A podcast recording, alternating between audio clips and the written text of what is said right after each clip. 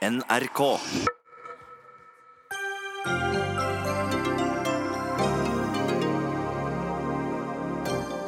Hva skjer når fire byer krangler i årtier om hvor det nye storsykehuset skal ligge? Jo, det legges eh, litt utenfor alle og midt imellom. Stikk i strid med hvordan det bør gjøres, sier forsker.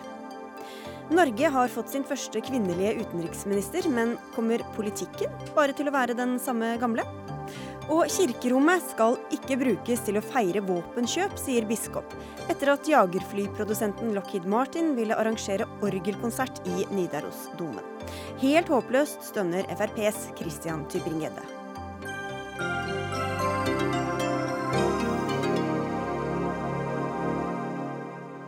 Dette er ukas siste Dagsnytt 18, hvor vi også skal diskutere poker. Jeg heter Sigrid Solund. I årtier har de kranglet høylytt, byene rundt Mjøsa, om hvor det nye storsykehuset i Innlandet skal ligge. Uten å klare å bli enige, slik tradisjonen vel er. Så i ettermiddag vedtok styret i Sykehuset Innlandet å legge et nytt stor, storsykehus for Hedmark og Oppland midt mellom alle byene, ved Mjøsbrua. Og dermed er kanskje siste ord sagt i nok en bitter og lang sykehusstrid i landet vårt. Det håper i hvert fall du, Anne Enger, du er styreleder i Sykehuset Innlandet. Er det sånn at uh, hvis man har kranglet nok uten å bli enige, så legger man det bare midt imellom? Ja, det, det Jeg vil ikke si det sånn. Dette er en lang sak. Den har pågått i mange tiår. Og for meg er det viktig å si at dette er en gledens dag for Sykehuset Innlandet, og for befolkningen i hele Innlandet. For det er faktisk 200 eh, 000 som bor rundt Mjøsa, og der ligger det også mange sykehus. Men det er også 200 000 som bor eh, utenom, og de vil jo trenge et sted å reise til. Sånn at dette er et uh, sykehustilbud for hele befolkningen i Innlandet. Og det er like stort som Danmark i utstrekning. Og det handler ikke bare om de folka som bor i byene. Men hva er det som er feil ved å si at det, etter mange tiårs med krangling, så ble det midt mellom, da? Nei, altså jeg syns ikke det er så feil. fordi at det er... Nei, men jeg mener det med å legge det midt imellom, det var i hvert fall riktig. siden du Nei, sa men, det, ikke men det dere sånn. sier jo at det er Eller jeg får inntrykk av at nå er det noen som sier at det er liksom eh, helt irrelevant. Det er altså eh, 20 minutters kjøring, tenker vi, på framtidige veier. Eller eh, tog. Det går jo tog her òg, kanskje begge, på begge sider av Mjøsa. Mellom de tre byene rundt Mjøsa og Moelv. Det er altså Lillehammer, Hamar og, og eh, Gjøvik, selvfølgelig. Og det bor en del folk der, men det er små byer. Det er mellom 20 og 30 000 stykker. Og vi trenger eh, ansatte til Moelv eh, eller Biri eh, fra alle byene, og fra Opplandet. Einar Busterud, du er ordfører i Hamar. Den dårligste løsninga man kunne valgt for Innlandet, sier du. Hvis jeg gjetter helt vilt, så ville du kanskje heller hatt det i Hamar? Ja, det vil jeg selvsagt. Men eh, det er iallfall én ting ordførere rundt eh, Mjøsa er enige om, og det er at eh, å lage en ny by midt imellom, det er den dårligste løsningen på alt. Her må staten rett og slett plassere, for det er staten som betaler for sykehuset, og det er Helse Sør-Øst som kommer til å bestemme hvor det skal ligge. Å legge noen i midt imellom, det er den dårligste løsningen av alle. Eh, Innlandet har små byer, som eh, Anne Inger er inne på. Hamar har 60 000 innenfor 15 km radius. Eh, Og da er iallfall ikke svaret på at du har små byer å lage enda en. Nå- Ja. Ja, for jeg syns dette her er veldig rart. Her har vi hatt store høringsprosesser. Her har vi Vi veit jo om at de som er ordførere i de tre byene som ligger ved Mjøsa, pluss Elverum, at de har lyst på å ha et sykehus i sin midte. Men det blir veldig ubalanse mellom byene. Og derfor er det riktig at eh, fire ordførere gikk ut og var uenige i Mjøsbrua.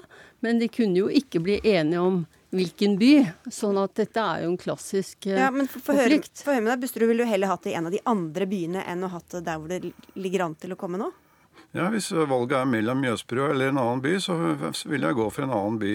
Og eh, Statens vegvesen sier jo eh, til eh, Sykehuset Innlandet at de er helt uenig i eh, Sykehuset Innlandets vurdering, og sier at dette her vil svekke bya. Og krever i brevet at byutvikling og samordna bolig-, areal- og transportlegging må tillegges større vekt når framtidig sykehusstruktur velges, som det direkte står, uten at det gjør det veldig stort inntrykk på styret i dag. Skal, du skal få svare, Inger. Vi skal bare få inn en tredjeperson her, Aud Tønnøy. For nå er vi inne på det som eh, du har vet mye om. Du er forskningsleder ved Transportøkonomisk institutt. Og du har nettopp levert en rapport på oppdrag fra Statsbygg hvor dere har sett på all statlig lokalisering. Vi kan komme tilbake til andre eksempler etter hvert, men vil du si at dette er en riktig plassering? Nei, det er jo som eh, ordføreren i Hamar sier, han refererer til statlige planretningslinjer. Dette er helt klart en lokalisering i, strå, i, i, i strid med de statlige planretningslinjene, og med viktige målsettinger om nullvekst i biltrafikken i byområder. og ja. For ut fra din erfaring, eh, hva kommer dette til å føre til for biltrafikken f.eks.? Ja, vi vet jo veldig godt at jo lengre fra en by eller et bysentrum eh, en arbeidsplass er lokalisert, jo høyere er bilandelene, og dermed jo mer biltrafikk genererer det. Hvis det hadde lagt i en av byene, så ville eh, større andel av dem som jobba og brukte sykehuset, eh, kunne gått, sykla eller reist kollektivt til sykehuset. Og, ville, og mange ville også hatt korte avstander med bil. Hvorfor følger dere ikke disse retningslinjene som er altså, politisk vedtatt lenger? Jo, vi syns jo eh, statlige retningslinjer er veldig viktige. Vi har mange statlige retningslinjer, og de, de gir jo ikke alle samme konklusjon. Og i denne retningslinja her så står det jo også at det skal være et knutepunkt. Og jeg har lagt merke til at i høringsinstansene, bl.a. to fylkesmenn, de har jo slutta seg til dette opplegget. Og Men vil du kalle Moelv et knutepunkt? Ja.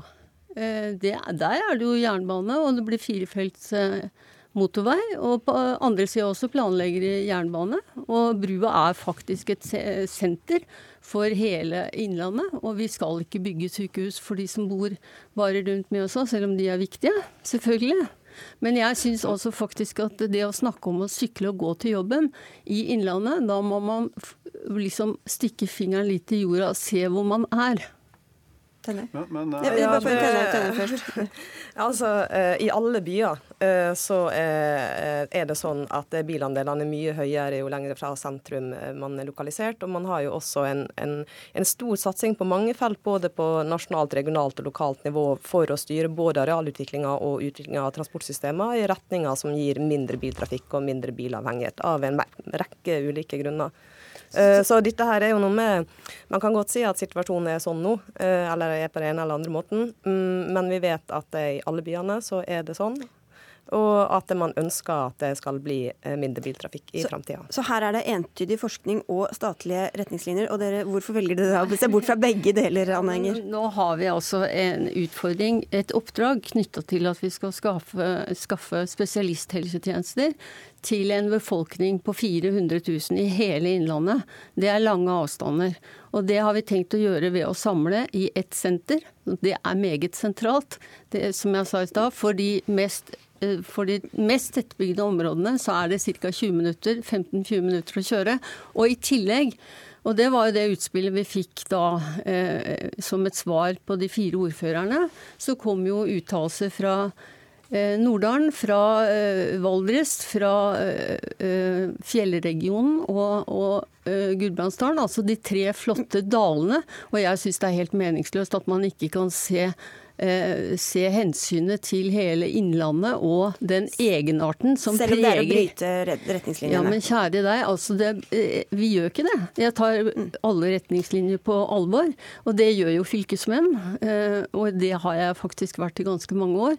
Sånn at jeg kjenner det systemet, men jeg tenker her er det også andre hensyn å ta. Vårt første oppdrag er å gi folk gode helsetjenester. Da må vi sentralisere litt, og desentralisere ganske mye. Vi skal få inn en fjerdeperson her, men bare helt kort til deg, Busterud. Nå kan dere angre på at dere ikke klarte å bli enige, da?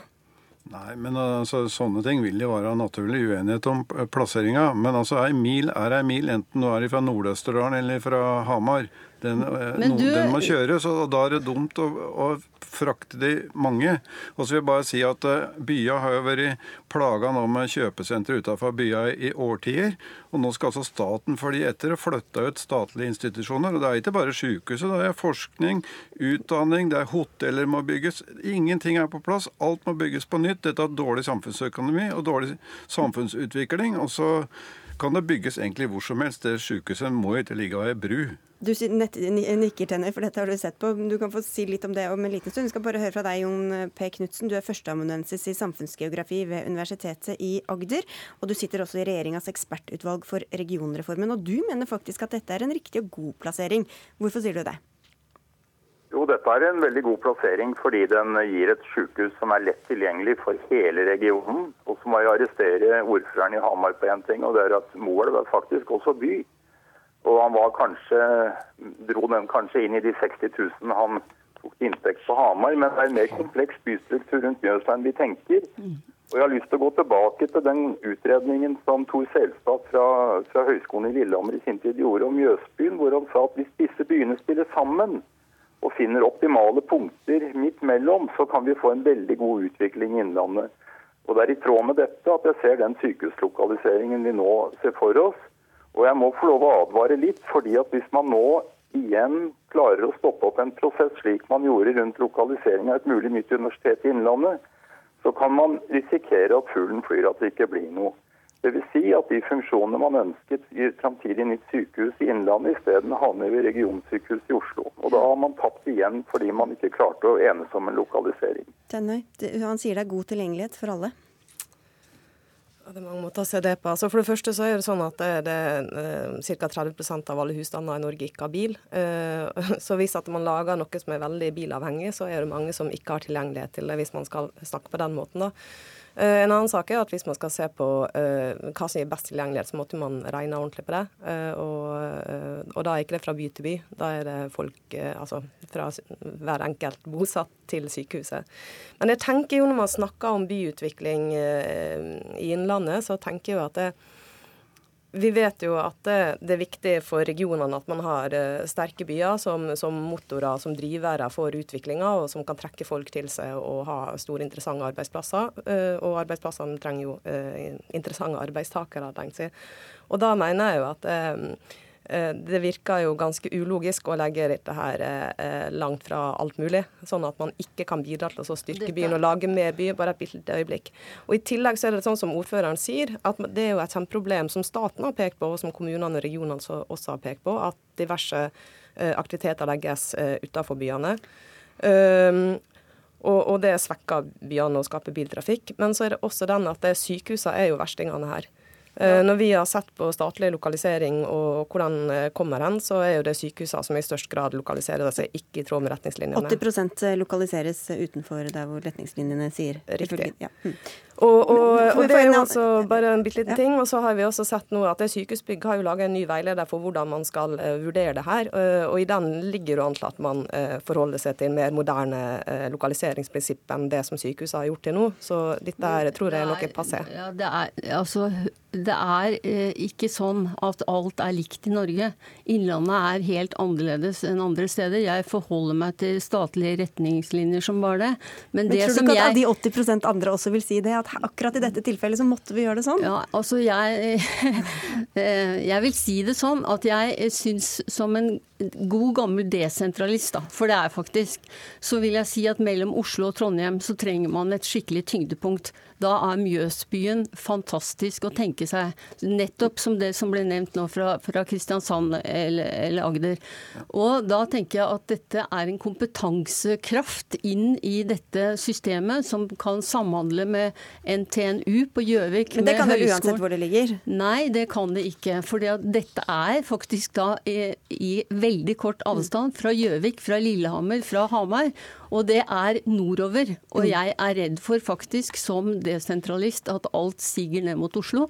Og det, Hamar er en del av Oslo-regionen, selvfølgelig. Men Knutsen, hvordan, hvordan, vet du at ikke biltrafikken kommer til å øke, som vi jo vet at den absolutt ikke skal, eh, ifølge alle retningslinjer?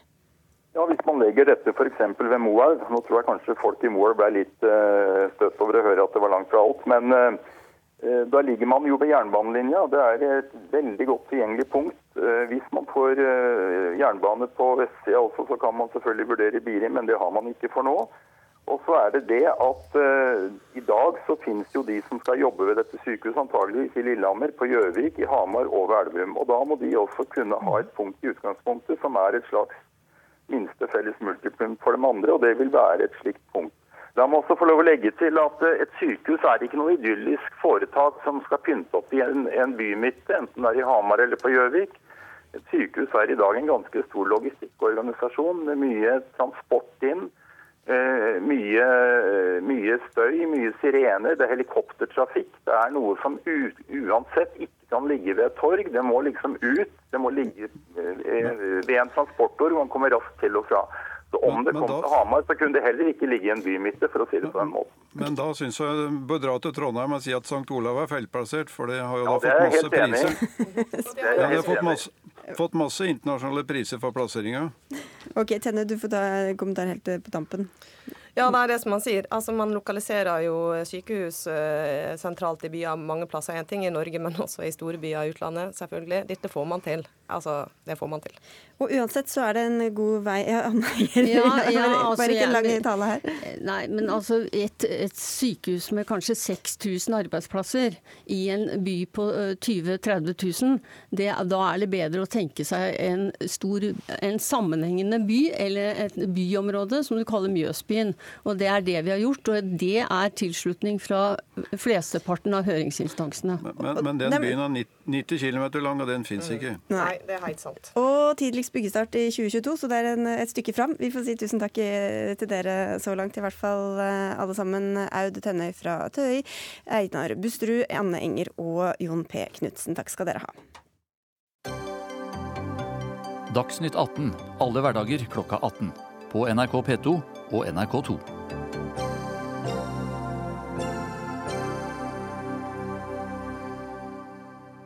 Så til dagens store politiske begivenhet. Det var god stemning på Slottsplassen i dag da én splitter ny statsråd ble presentert, mens to regjeringsmedlemmer byttet departement.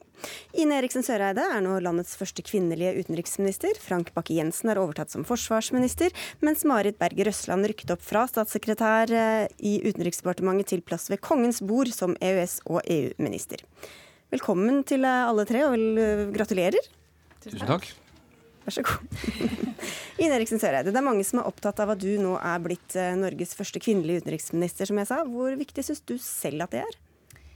Først og fremst så er jeg jo veldig glad for den tilliten Erna har vist meg, og jeg kjenner jo på det store ansvaret det er. Jeg har hatt mye ansvar de siste fire og egentlig åtte åra også. Eh, så er det selvfølgelig alltid gøy å være den første som gjør noe, men eh, jeg la merke til at Erna sa i dag under presentasjonen av oss nye og omrokerte, som hun kalte oss, at det er, eh, det er, ikke derfor jeg er der, eh, men jeg har eh, etter hvert åtte år med nokså intenst arbeid med utenriks-, forsvars- og sikkerhetspolitikk bak meg, og jeg tenker at det er en god plattform. Jeg skjønner at det ikke er derfor hun har valgt deg nødvendigvis, eller i hvert fall ikke som eneste grunn, men det er jo veldig mange som er opptatt av det her. Spiller det noen rolle, eller hvilken rolle spiller det, om det er en mann eller kvinne som sitter der? Jeg tenker at det betyr noe at barrierer brytes. Det tenker jeg det gjør uansett hvilken sektor man er i. Og det her er jo en sektor som eh, kanskje i enda sterkere grad enn mye annet er mannsdominert, eller har vært mannsdominert. Så tenker jeg at jeg kommer til å gjøre ting på min måte, akkurat som jeg gjorde det som forsvarsminister. Eh, og det handler nok mer om eh, meg som person enn om jeg er mann eller kvinne. Men på sånne dager så er det jo mye man tenker på og reflekterer over, og det er, ja, det er en følelsesladd dag. Frank Bakke-Jensen, du går fra jobben som EØS- og EU-minister. Nå får du ditt helt eget departement å herje med. Hvordan tror du det skal bli? Jeg har vel ikke noen sånn uh, følelse av at jeg skal inn og herje med noe. Nei, det er et det er et det, som, altså, det første det er faktisk at det, man viser stor tillit. Det, det er som. Og så er det et departement som har store oppgaver, alvorlige oppgaver. Sånn at jeg føler faktisk mer på, på alvoret i forhold til de, de, den jobben jeg skal eh, gå i gang med nå. Det er jo litt sånn storleken eh, dere mellom. Du tar jo da over um, etter Eriksen Søreide og kommer da fra denne posten.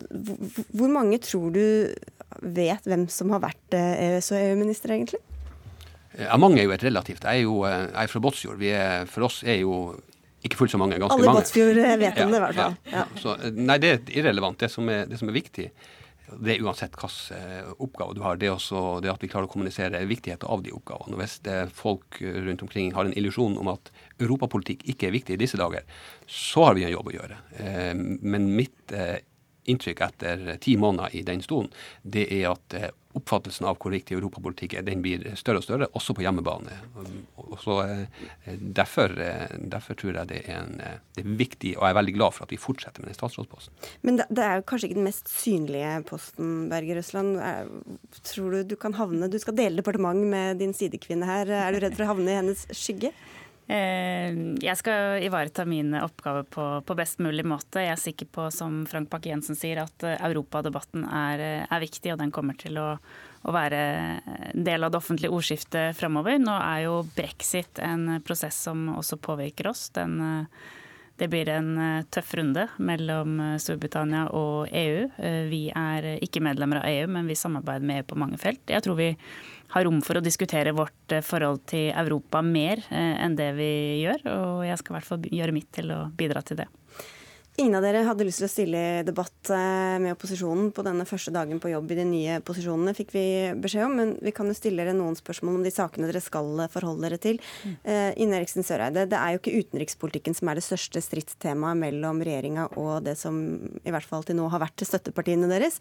Men Venstre og KrF vil ha tilbake en egen bistandsministerpost. Det er et av uenighetspunktene. Er det aktuelt? Først og fremst er det statsministeren som bestemmer både hvordan regjeringa settes sammen og hvilke oppgaver som fordeles. Nå ligger hele den eh, porteføljen på mitt bord. Det er derfor jeg spør deg. Ja, det regna nesten med det. Og det er en oppgave jeg går til med, med stor iver, fordi det er et, eh, et, spennende og viktig felt. Jeg tror noe av det viktige man må huske på når det gjelder eh, utviklingspolitikk i 2017, er at den er veldig sammensatt. Den handler ikke bare om bistand, selv om den også handler om bistand. Det betyr at både handel, utdanning eh, og flere andre saker, klima, miljø, konfliktforebygging, handler om uh, mye av det samme. Og Derfor er det fornuftig å se det under ett, og det har vært regjeringas linje i disse fire åra også. og Det er jo det statsministeren eh, redegjorde for i dag under presentasjonen. Men det er snakk om veldig mye penger. 35 milliarder kroner til bistand og utvikling. Hvordan kan du føle deg trygg på at du forvalter de pengene, i tillegg til alt det andre du skal gjøre, like godt som en egen statsråd ville gjort? For det første så forvaltes jo de pengene i det departementet i likhet med det jeg har hatt ansvar for et forsvarsbudsjett. Du har eller, gått budsjettet fram til ja, nå også? Ja, altså har jeg hatt 55 milliarder å ta vare på i, i Forsvarsdepartementet også. Eh, det som jeg tror er viktig, er at vi gjennom det gode og solide arbeidet som eh, embetsverket i UD gjør, har vi både god, eh, god, eh, kontroll på hvilke prosjekter vi har, og ikke minst det å stake ut den politiske retninga for hvordan vi skal bruke pengene, som, som, er viktig. Og så er det jo statsministeren som bestemmer om den porteføljen skal være delt sånn eh, i framtida også, eller om det skal gjøres endringer. Men det er jo ikke, det er ikke um, departementet som skal styre, styre politikken? Altså i bistandspolitikken? Nei, men eh, det er jo kontrollmekanismer også i departementet som bidrar til at vi som politisk ledelse får godt overblikk over både prosjekter og ikke minst eh, den politiske retninga. Hvorfor trenger dere en egen EU- og EØS-minister og ikke en egen bistandsminister? Jeg har i løpet av dagen i dag hørt det argumentet brukt egentlig på to ulike måter. Både at europaspørsmålet er såpass viktig at det trenger en egen minister, eh, og at utviklingsfeltet er så viktig at det trenger en egen minister, og det motsatte. Eh, derfor så tror jeg nok at den sammensetninga som regjeringa har valgt, og som eh, statsministeren valgte i 2013, har vist seg å være god. Eh, hun sa jo sjøl i dag at det kan være at det kommer endringer i det etter hvert. Men eh, det er mange oppgaver som eh, nå tilligger også den nye EU- og EØS-ministeren, som er utrolig viktig for å kunne håndtere norske interesser på en god måte. Og hele brexit-debatten, og ikke minst alt som følger i kjølvannet av det, kommer til å bli viktig. Men at noen argumenterer for det ene og noen argumenterer for det andre, var jo ikke svar på hvorfor du mener at det skal være sånn. Ja, Jeg mener jo at den fordelinga vi har hatt i eh, fire år, har fungert godt, som jeg sa. Og det mener også tydeligvis statsministeren, og det argumenterte hun for i dag. Eh, det er eh, mange ulike måter å organisere arbeidet på. Og jeg tror nok, som Erna sa i dag, at det å ha et pragmatisk forhold til det og se hva som fungerer over tid, det tror jeg er det beste. Jeg skjønner at det er statsministeren og ikke dere som bestemmer dette her, Marit Berger Men du er liksom så ny i posten, så har ikke så mye annet å plage deg med. Hva syns du, da? Hvorfor syns du det er viktig med en egen statsrådspost for dette feltet? Jeg tror i hvert fall at eh, når vi har en egen statsrådspost, så gir det oss eh, mye større muligheter til å være tidlig på prosesser i Brussel. Vi har jo vist eh, i den siste perioden at vi f.eks. har fått på plass mulighet til å ha differensiert arbeidsgiveravgift igjen i Norge, etter at vi har klart å sette det på dagsordenen i Brussel og klart å snu det spørsmålet. Eh, vi er ikke medlemmer av EU, og det er en betydelig større oppgave for oss å vite hva som skjer, holde kontakt med miljøet i Brussel og prøve å påvirke. Eh, så at det er en egen person som er dedikert til det oppdraget, tror jeg er eh, bra. Det betyr ikke at ikke utenriksministeren også skal inn i europaspørsmål. Det ligger til, til begge ministre sånn sett. Men både med si, rettsprosesser i EU, brexit-forhandlingene som berører norske interesser på veldig mange områder, så må vi setter av mye tid og ressurser. Og det er også en stor jobb internt mellom eh, departementene her i Norge, fordi dette berører også mange sektorer her. Hvordan skal du gjøre det fremme norske interesser, og ikke bare dilte etter EU, som noen vil beskylde dere for å gjøre? Hmm. Det handler jo om eh, si, å identifisere de interessene som står på spill. Eh, fremme norske synspunkter. Eh, at eh, differensiert arbeidsgiveravgift f.eks. er en, en, viktig del av, av, norsk distriktspolitikk, og dermed få gjennomslag for at det er mulig å, å ha på norsk side. Et eksempel. Vi må vite hva som skjer, og vi må, vi må fremme våre kort og, og gjøre det på en god måte.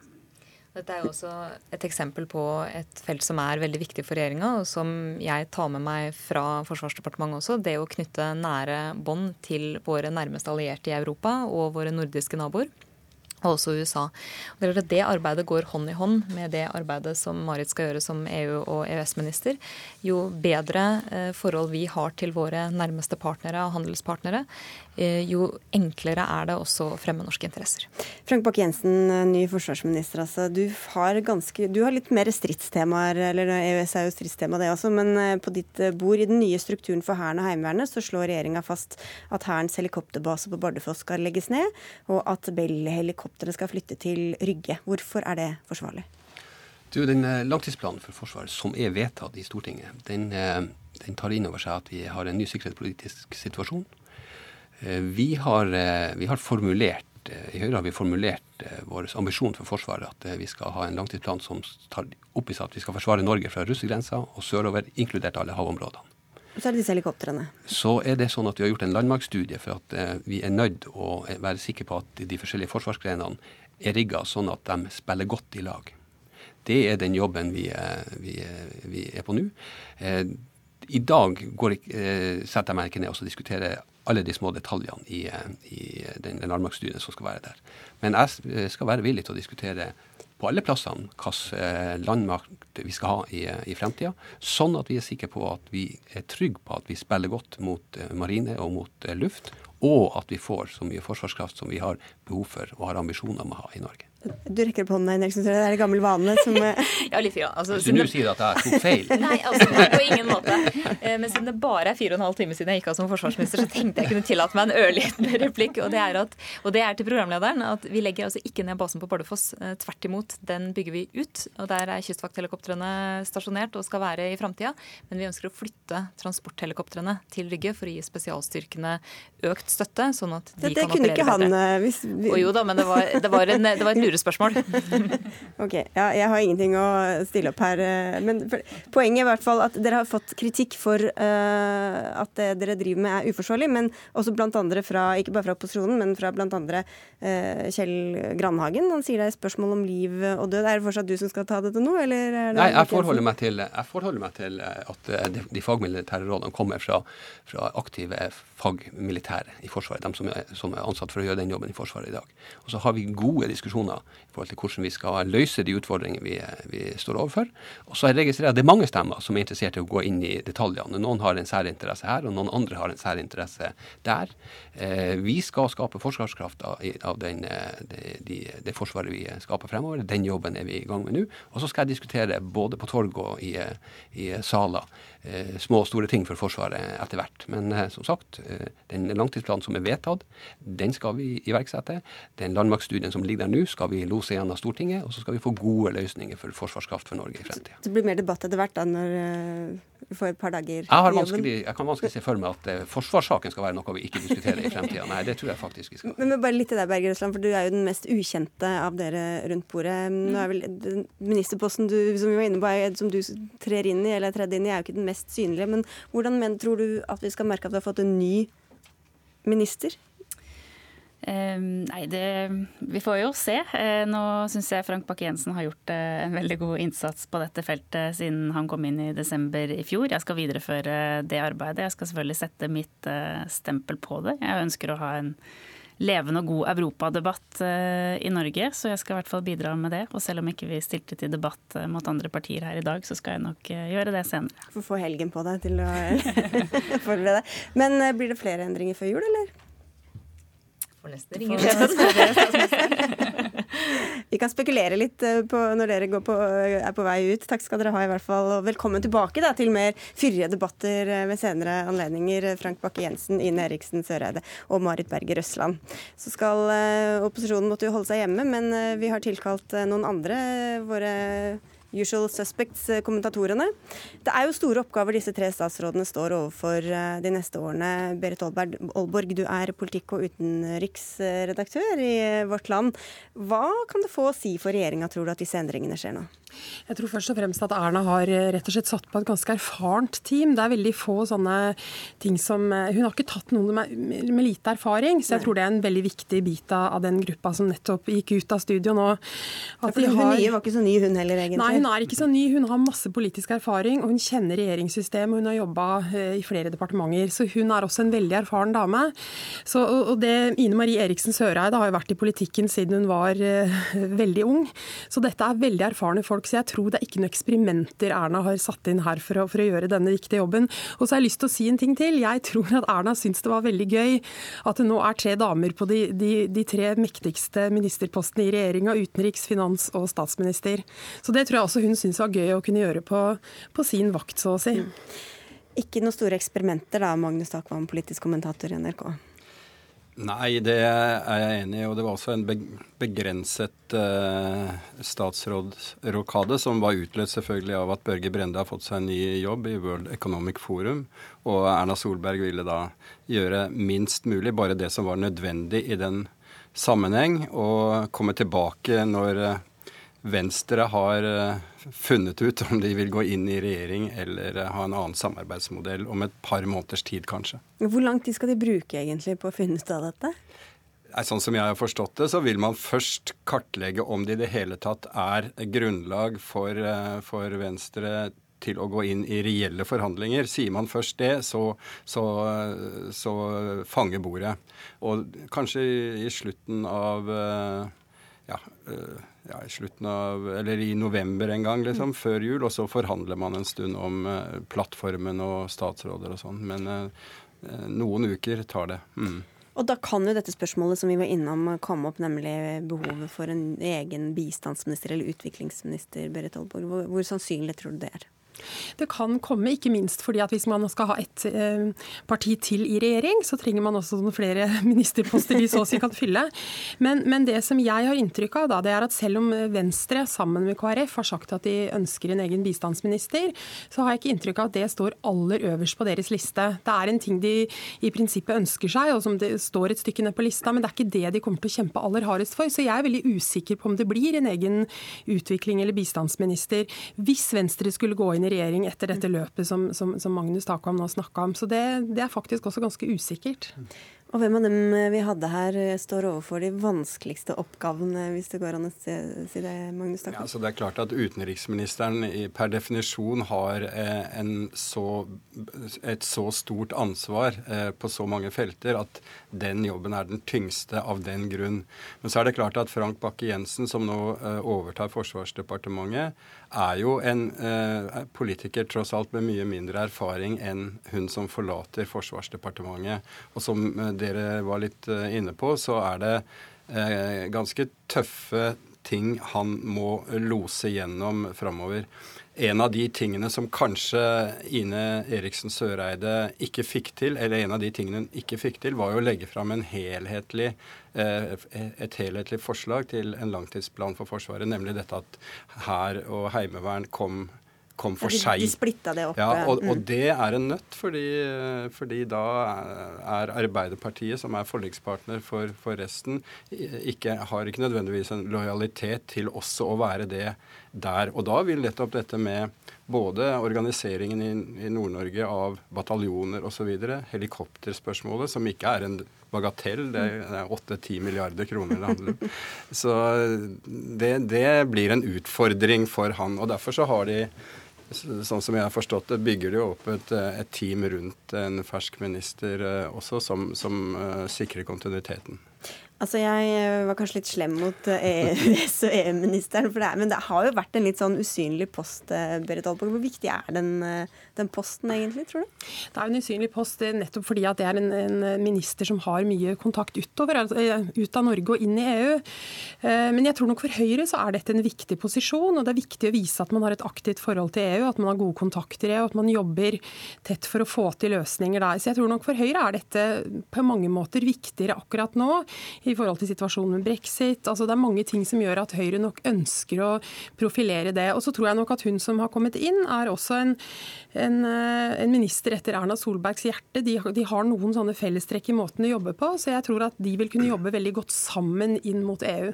Hvem som bekler den posten, Magnus Agvam, det skaper vel ikke noe sånn stort politisk jordskjelv ute blant eh, befolkningen flest. Men hvor viktig er det hvem som bekler de forskjellige postene? Politikken er jo den samme uansett. Altså Det er, er, viktig, eh, og selvfølgelig eh, aller viktigst i de mest sentrale jobbene. Slik man sier om Ine Eriksen Søreide, så har jo hun Eh, gjennom jobben i, i, Forsvarsdepartementet knytte kontakter til USA, til den amerikanske forsvarsministeren, til tyske forsvarsministeren.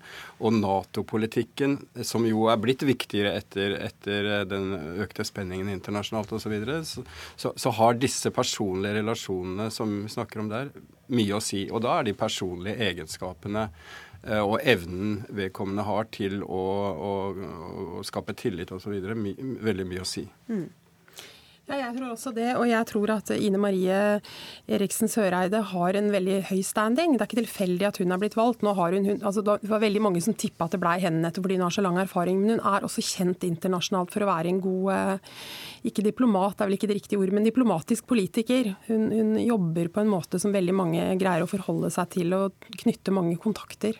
Men disse fellestrekkene du snakket om, eh, Berger Røsland og Erna Solberg, hva var det du tenkte på da? Nei, jeg tenker at de er, de er hardtarbeidende dyktige damer som kan tingene sine, rett og mm, slett. Det var vel egentlig det jeg, jeg prøvde å vise til. Ja, altså det som, eh, Hvis man ser dette litt utenfra, så er den debatten om europaminister eller bistandsminister eh, på en måte et på en måte et praktisk spørsmål. Det er klart at det er en kjempesvær portefølje å ha dette bistandsbudsjettet på 35 milliarder som utenriksminister. Og det er fysisk umulig å være på alle internasjonale konferanser osv. samtidig som man skal holde, holde kontroll på den øvrige utenrikspolitikken. Og det er også mange som mener at det er en, det er en intern interessekonflikt i et utenriksdepartement omkring eh, utvikling av bistandspolitikk. Og det er, det er, et flertall i Stortinget som har kritiske merknader til at det er sikkerhetspolitiske hensyn, eh, hensyn til flyktningsituasjonen, migrasjonskrisen osv. Det har fått styre premissene for bistandspolitikken for mye, på bekostning av og de fattige landene i sør for Sahara osv. Så, videre. så det er, det er politikk her. Det er en reell uenighet. Ja. Eh, helt på tampen, Jeg fikk beskjed om å ringe Erna Solberg for å spørre om det ble flere rokeringer før jul. Jeg har på følelsen at hun ikke vil fortelle meg det. Hva, hva, tror dere? Jeg tror at det uansett blir noen eller Det er veldig stor sannsynlighet for at det blir noen rokeringer. Selvfølgelig blir det jo det helt åpenbart hvis Venstre går inn. Men vi har jo ikke hatt noen rokeringer i Frp. Det kan komme noen der. Og jeg eh, tror at det kan ligge an til noen flere rokeringer. Men jeg tror at de er venta for å se litt hvor det eventuelt, hvis Venstre går inn, inn, kan være aktuelt for dem å komme inn. Så jeg tror vi kan fort se noen. Altså Hvis Venstre kommer inn, så tror jeg de prioriterer uh, departementer som uh, kunnskap, uh, som næring, med alt som har med stimulere gründere osv., og, så og eventuelt miljø. men hvis ikke det skjer, at de likevel ikke går inn i regjering, så sa jo Erna Solberg i dag at det er ikke i og for seg behov for så veldig store endringer uansett. Men jeg tror det kommer kommer uh, uansett et eller annet rundt årsskiftet. Takk skal dere ha i denne omgang, Berit Aalborg og eh, Magnus Takvam. Hør Dagsnytt 18 når du vil. Radio NRK.no.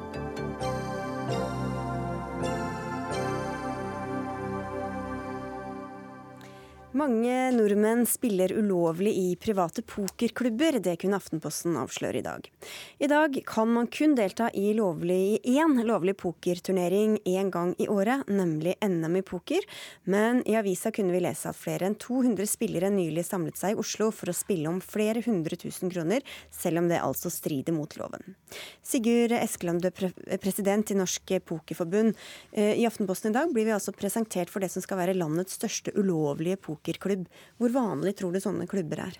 Nei, Det har vært pokerklubber i Norge helt siden 70-tallet. Så det er, det er, ganske vanlig over hele landet. Og stort sett så er det jo dette her eh, vennegjenger som, som, spiller om eh, hundrelapper. Fordi at eh, poker er, er, et sosialt spill. Men det er lov? Eh, ba, det, det, det, det, blir litt sånn Eh, hva skal man si, ord, men, men, hjemme er det lov. Det er lov å spille poker hjemme, men ikke i organiserte former. er det som er. Ja, Du må være under ti og spille for under 1000 kroner hjemme hos under ti deltakere, ikke under ti år. Over 18 år må Nei, det fortsatt være. Ja, ikke under ti år, var ikke det jeg mente. Ehm, men hvorfor er det behov for eh, flere, for flere større turneringer, mener dere da? Eh, poker er enormt stort i Norge. Eh, vi gjorde en undersøkelse i fjor på hvor mange eh, pokerspillere det er i landet. Det er rundt 400 000 som sier de har spilt poker i løpet av de siste tolv månedene. Og Da sier det seg sjøl at, at, det er behov for å gjøre en eller annen form. Og problematikken ligger i det at så lenge ikke det er lovlig, så har vi heller ingen reguleringer på det. Men med et regelverk så kunne det vært ordnede former. da. Og der er vel du helt enig, Himanshu Gulati. Du er stortingsrepresentant for Fremskrittspartiet og ønsker en mer liberal lov. Ja, og det er jo ikke mer enn tre-fire år siden at det var ulovlig å spille poker i Norge.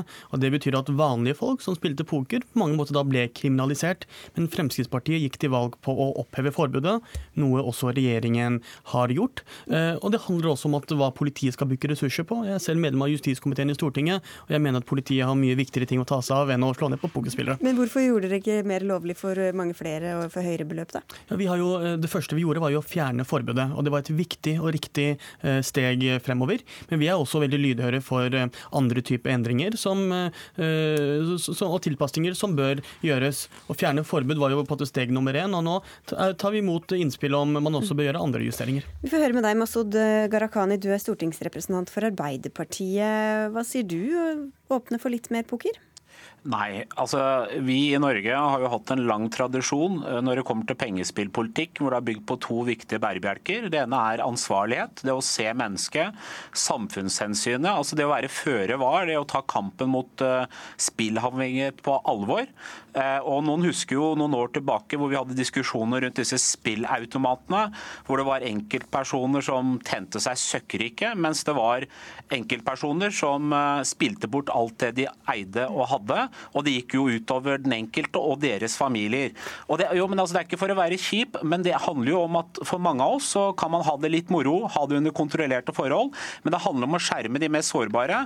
Og når Kulturdepartementet, som var styrt av Høyre og Frp, gjorde en utredning på dette her, så sa jo de selv at mer poker betyr også stor fare for spillavhengighet. Og da er det sånn at det er i dag, ifølge Helsedirektoratet, rundt 34 000 personer som sliter med gambling og pengespill altså avhengighet, eh, Gulati. Hvorfor veier hensynet til vanlige pokerspillere tyngre enn hensynet til disse menneskene? Det gjør det ikke, og spilleavhengighet skal vi ta på det største alvor. Men de utredningene som er gjort av Lotteritilsynet når det gjelder poker, viser også noe annet. Det er mange andre typer spill som er langt eh, mer problematisk på den måten. Men så må man jo huske at eh, ved å forby eller ha strenge regler på poker, så betyr det ikke at folk ikke spiller, men de drar heller til ulovlige klubber. De spiller heller over utenlandske selskaper på internett. Så vi ønsker heller at folk skal få lov å spille poker, noe veldig mange nordmenn gjør. Poker er på mange måter en folke, folkesport, men hva skal kalle det det? Og det å kriminalisere vanlige folk for litt eh, uskyldig og morsom pokerspill, og også forvente at politiet skal bruke ressurser på dette når det er langt viktigere ting å bruke ressurser på,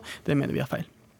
Ja, altså, jeg har lyst til å øh, komme med noe. Altså, jeg er ikke bare pokerpolitisk talsperson i Arbeiderpartiet, jeg er også idrettspolitisk talsperson i Arbeiderpartiet. og Det jeg er utrolig opptatt av, det er den lange tradisjonen vi har hatt med Norsk Tipping. Hvor den skal være ansvarlig, den skal ha kontroll, men også det at de pengene folk bruker på pengespill, den skal gå tilbake igjen til fellesskapet. Eh, blant annet så er det gitt 130 milliarder kroner til idretten. altså Ryggmargen norske folk handler jo om frivillig arbeid Men det kunne du vel gjort hvis du regulerte dette pokerspillet også? Poenget er jo at du må tenke to hensyn. Det ene er å slå ring om den norske tippingmodellen, som betyr at de pengene som brukes, skal gå til å bygge opp idrettsanlegg, frivillighet. Og det andre er gjøre det mer tilgjengelig. Eh, så betyr jo det at eh, de sårbare menneskene der ute som sliter med spillavhengighet, da får man større problemer. Og da velger jeg å lytte til eh, Men Hvordan vet du det, og ikke at de bare venner seg til andre internettspill f.eks.? Altså Det man vet er at Gjør man det mer tilgjengelig, slik det var når man hadde for den diskusjonen rundt spillautomater, så traff man de sårbare. Og hvis Det eksempelet du brukte nå rundt eh, denne ulovlige eh, pokerklubben, for det er det det er, det er ulovlig pokerklubb. Når man kom inn i de lokalene, eh, honnør til Aftenposten for at de gikk undercover og, eh, og fant ut at dette var ulovlig, så fant man også markedsføring av ulovlige bettingselskaper som driver kynisk der ute for å undergrave Norsk Tipping-modellen, og som markedsfører opp mot de som er sårbare. Og Da er det viktig å lytte til eh, foreninger som Spillavhengighet i Norge, og de som behandler mennesker som, som sliter med spillavhengighet. Og de sier gjør det mer tilgjengelig, så vil det få store konsekvenser. Og det, Hvilket ansvar har dere da i Norsk Pokerforbund? Jeg skjønner jo at dere har lyst til å spille, men hva med alle dem som sliter, da? Det er viktig å få litt perspektiv på det. for da, i, i, den siste befolkningsundersøkelsen om spill, eh, som ligger ute på Lotteritilsynets sider, så var det altså 0,6% av de som spilte nettpoker, som opplevde det, eh, det, som et problem. Det samme antall som spilte på vanlig norsk, altså på tipping, fotballtipping. Og det er også andre spill som vi har lovlig i dag, som har fem ganger så høyt problemnivå som det. Så derfor så er Det måtte, Det er så få at vi ikke trenger å ta hensyn til dem? Nei, men, men hvis vi skal ha eh, et forbud mot poker, så må vi på en måte forby egentlig alle andre pengespill også. For det, det, det, er, ikke, det, er, ikke, slik at poker er altså poker er et mye mindre farlig spill enn de mm. fleste andre spill vi tilbyr. Ja, det er mye her i livet som ikke er så bra, Garakan. Vi kan ikke forby alt av den grunn? Poenget er at gjennom Norsk Tipping eh, så har man gjennom politisk styring mulighet til å sette en rød knapp. Det er å ha ulike tiltak som gjør at man skjermer de spillavhengige. Eh, slipper man løs eh, de private utenlandske selskapene som Frp ønsker, for de ønsker jo vekk med enerettsmodellen og Norsk Tipping-modellen, hvor bettingselskaper skal inn. Så kommer de til å være kyniske for å utnytte mennesker. Men det vil også tappe fellesskapet for penger gjennom det å bygge opp frivilligheten og idretten, som har vært en viktig del av Norsk Tipping. Jeg bare ler fordi du ser det ikke, men Eskeland hadde veldig himling med øynene her. Jeg, jeg, jeg, må få lov til å kommentere dette. for hele Poenget er jo at er jo, dette er jo omvendt. Altså Ved at man lar late som at dette ikke fins, så blir det ikke retteregulert. og Da er det faktisk sånn at man sender folk ut i et uregulert marked. Men, men, men hør, Gulati, Hvordan ser du for at det kan reguleres, da? Ja, jeg må jo først si at Jeg er ikke overrasket over skepsisen til Arbeiderpartiet. for De var jo også mot å oppheve pokerforbudet, som hadde gjort at også vanlige folk som spiller poker, fortsatt hadde brutt eh, loven. Men, men jeg syns eh, Sigurd eh, fra Pokerforbundet her har et godt poeng. For Vi kan ikke være både som strutser og bare stikke hodet ned i sanden og late som ting ikke skjer. Nei, men... Det at man forbyr pokerspill, betyr at det skjer f.eks. over utenlandske bettingselskaper.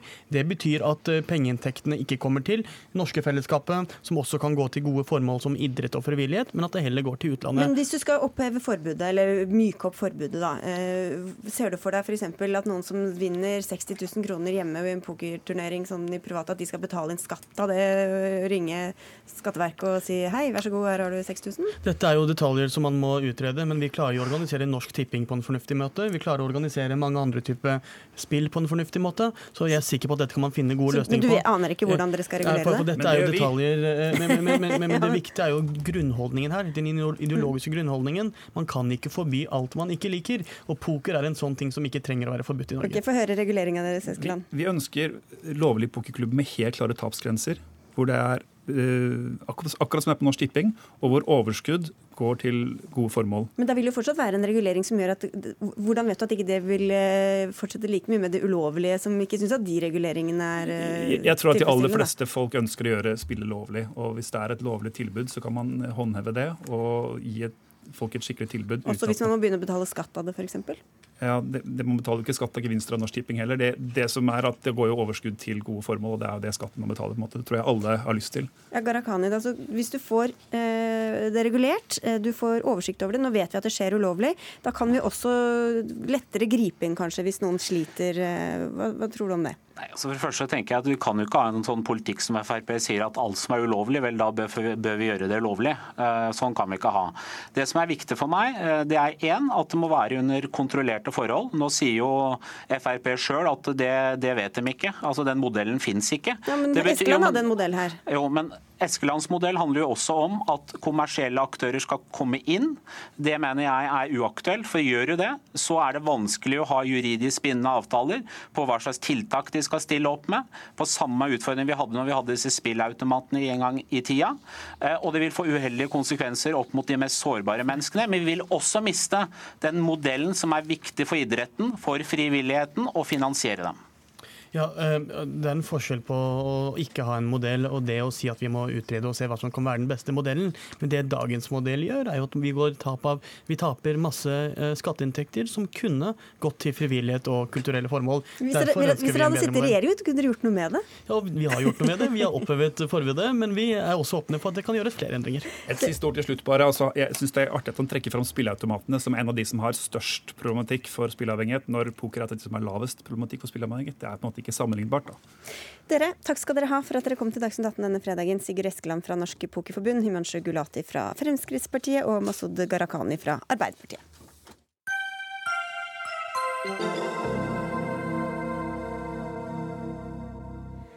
Er det greit å bruke Norges mest berømte kirke, Nidarosdomen, til å feire et våpensalg? Eh, I årevis har vi diskutert Norges kjøp av jagerfly fra USA, og om noen uker kommer flyene, og det skal markeres med en rekke arrangementer i eh, Trondheim. Men den planlagte orgelkonserten i Nidarosdomen som produsenten av flyene ønsket å arrangere, ble plutselig tatt av plakaten. Helga Haugland Byfuglien, du er preses eh, i Den norske kirkes bispemøte. Og administrasjonen i Nidarosdomen sa i utgangspunktet ja til å la produsenten av flyene Lockheed Martin arrangere konserten, men så satte du foten ned. Hvorfor det? Eh, først må jeg si at eh, preses i bispemøtet, jeg har biskopens ansvar i domprostiet i Trondheim. Så dette er du er, du som biskop du har gjort dette? Ja. Ja. Um, og jeg eh, ble gjort kjent med denne konserten for en god del uker siden. Og ga denne rådet til eh, menighetsrådet, eller de som har fått delegert myndighet fra menighetsrådet, at de skulle kansellere den avtalen. Fordi slik regelverket er å forstå, og slik jeg mener at en kirke skal brukes, så bør ikke den brukes til å feire et våpenkjøp. Og Det blir fulgt opp av menighetsrådet, og man har funnet en annen løsning. Hva i regelverket er det som eh, sier at dette ikke eh, harmonerer, da? Altså, kirken er jo bruk eh, til å oppbyggelse, til å fremme Guds ære. Og det brukes til ulike typer arrangementer, og ikke minst til ulike kunstuttrykk. Men når sammenhengen her er å feire våpenkjøp, så fant jeg grunn til å gi et tydelig råd om at dette bør omgjøres. Kristian Tubring-Gjedde, du er stortingsrepresentant for Fremskrittspartiet og sier til Vårt Land at de absolutt burde få lov å holde denne orgelkonserten. Hva syns du om denne avgjørelsen? Nei, jeg syns eh, Kirken eh, reagerer på et klassisk vis her. Eh, det er viktig at For det første så er dette en kjempestor kontrakt. Dette er den største anskaffelseskontrakten som norske forsvaret noen gang har gjort. 52 kampfly fra Lockheed Martin. Og Lockheed Martin ønsker å samle 200-300 mennesker som har bidratt til denne kontrakten, både på amerikansk og, og, og norsk side, for å feire denne, dette kjøpet og den, den, produksjonen de har hatt. Og norsk industri har vært med på å levere den. Nå er det ikke sånn Byfuglin, at forsvarsindustrien er skumle mennesker som skal drive og angripe angripe folk. Forsvarsindustrien er de som har faktisk bevart freden i vårt land. De har sikret at norske kirker kan fungere. De har, de har eh, beskyttet meg, de har beskyttet deg, de har beskyttet alle i vårt land. Og disse burde absolutt få lov til å feire. Det, er, det at vi har en forsvarsindustri er positivt. Det at vi har et forsvar er positivt. Det at vi har kvinner og menn i uniform som passer på Den norske kirke, og den passer på deg og passer på meg, er ikke noe vi skal forakte, men det er noe vi skal faktisk være glad for. Og vi skal absolutt kunne gi dem anledning til å holde en orgenkonsert til ære for både anskaffelsen og for de som har jobbet hardt for å få dette til. Jeg får høre med deg. Altså, Forsvaret og Kirken har sterke bånd, historisk og i dag. Og Forsvaret arrangerer regelmessig gudstjeneste i norske kirker. Hvorfor er det greit å samarbeide med Forsvaret og med soldatene, men ikke med dem som selger våpen til det samme Forsvaret og til de samme soldatene? Dette er to ulike perspektiver. Kirken er der først og fremst til for å feire gudstjeneste. Og det å feire et våpenkjøp eh, må gjerne samfunnet gjøre, men det har ikke sin plass i en kirke. Men hvis det ikke var for å feire eh, våpenkjøpet, hvis de bare ville holde, holde eller leie kirken og holde konsert, da? Forsvarsgudstjenester legges det til rette for, og det er lang tradisjon. Da feirer vi gudstjeneste. Men hva er forsvar? Altså, samme.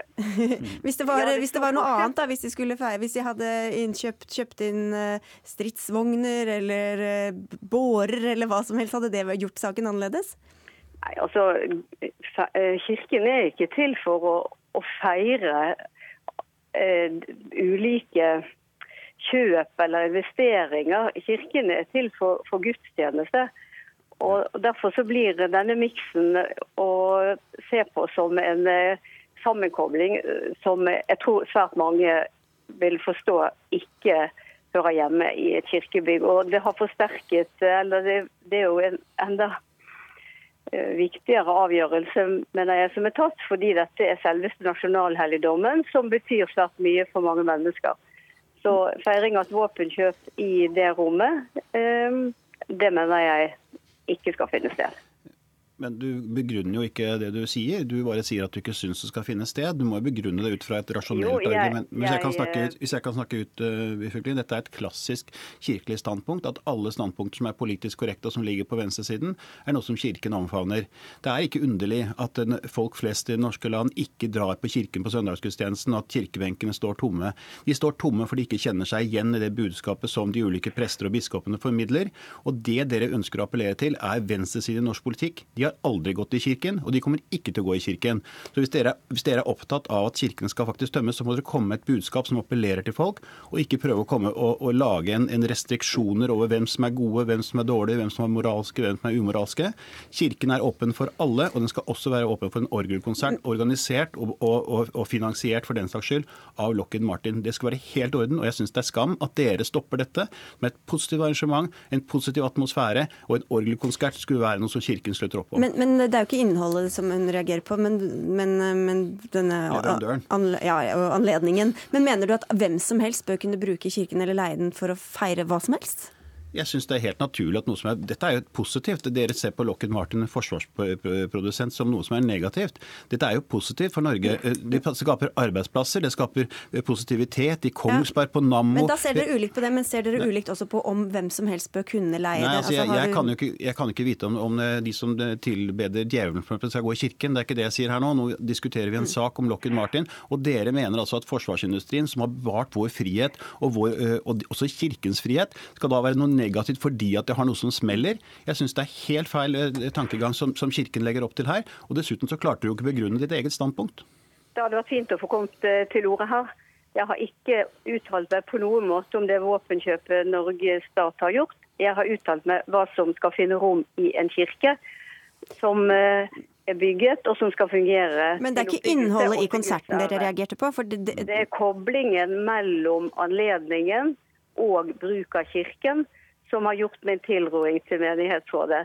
Og drar konsekvenser slik Tybring-Gjedde gjør, for han eh, står for. Jeg har begrunnet mitt standpunkt i henhold til det som er regelverk for bruk av kirken, og det er det stor forståelse for hos de aller fleste. Men hva er begrunnelsen din? Begrunnelsen er at regel for kirkebruk skal handle om hva som er til oppbyggelse for menigheten og for folk, og som er med på å løfte det som er husets og byggets innhold og det det står for. Og koblingen mellom våpenkjøp, selv om konserten ville vært vakker, den er utenfor det som jeg mener kirken skal brukes til. I forrige uke ble det arrangert en orgelkonsert for en nordisk sexologkonferanse. Hva har det med, med oppbyggelig kirke å gjøre? Mhm.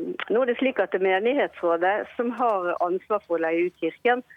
Og jeg har forholdt meg til det som var jeg ble gjort kjent med, nemlig hva kirken skulle brukes dette er til i forbindelse altså, med denne konserten. Er Og denne begrunnelsen er meget solid. Og det er min klare Men du ville helst ikke hatt en sexolog? Jeg vil ikke gi uttrykk for noen sak som jeg ikke kjenner til. Jeg har forholdt meg til en sak som jeg har blitt gjort kjent med, og har gitt mitt råd, og det har vi fulgt. Og det er saken. Nærmer oss slutten, Tybride. Men du, du mener det går en grense, men den går absolutt ikke her? Absolutt. Orgelkonsert, orgelkonsert i Nidarosdomen, det må alle være av. Hvem som står bak det er ikke veldig relevant. Dette er absolutt noe som er relevant for Kirken. Og jeg syns det er en skam at man stenger en stor leverandør som skal pare på vår frihet, ut fra denne kirken. Og jeg syns faktisk ikke dere har en rett til å gjøre det. Jeg syns faktisk at dere burde snu og la Locken Martin arrangere denne orgelkonserten for de mange hundrevis av menneskene som har bidratt til dette store prosjektet. Du, eh, du får tenke deg om Kirkens myndigheter som har ansvar for å forvalte kirken. Så Dere vi trenger inntektene fra forsvarsindustrien, dere òg. Vi må dessverre avslutte. Tusen takk til Christian Tybring-Gjedde og Helga, Helga Haugland Byfuglien. Dagsnytt 18 er over for i dag. Arnhild Myklebust, Lisbeth Sellreit og jeg, Sigrid Solund, takker for oss.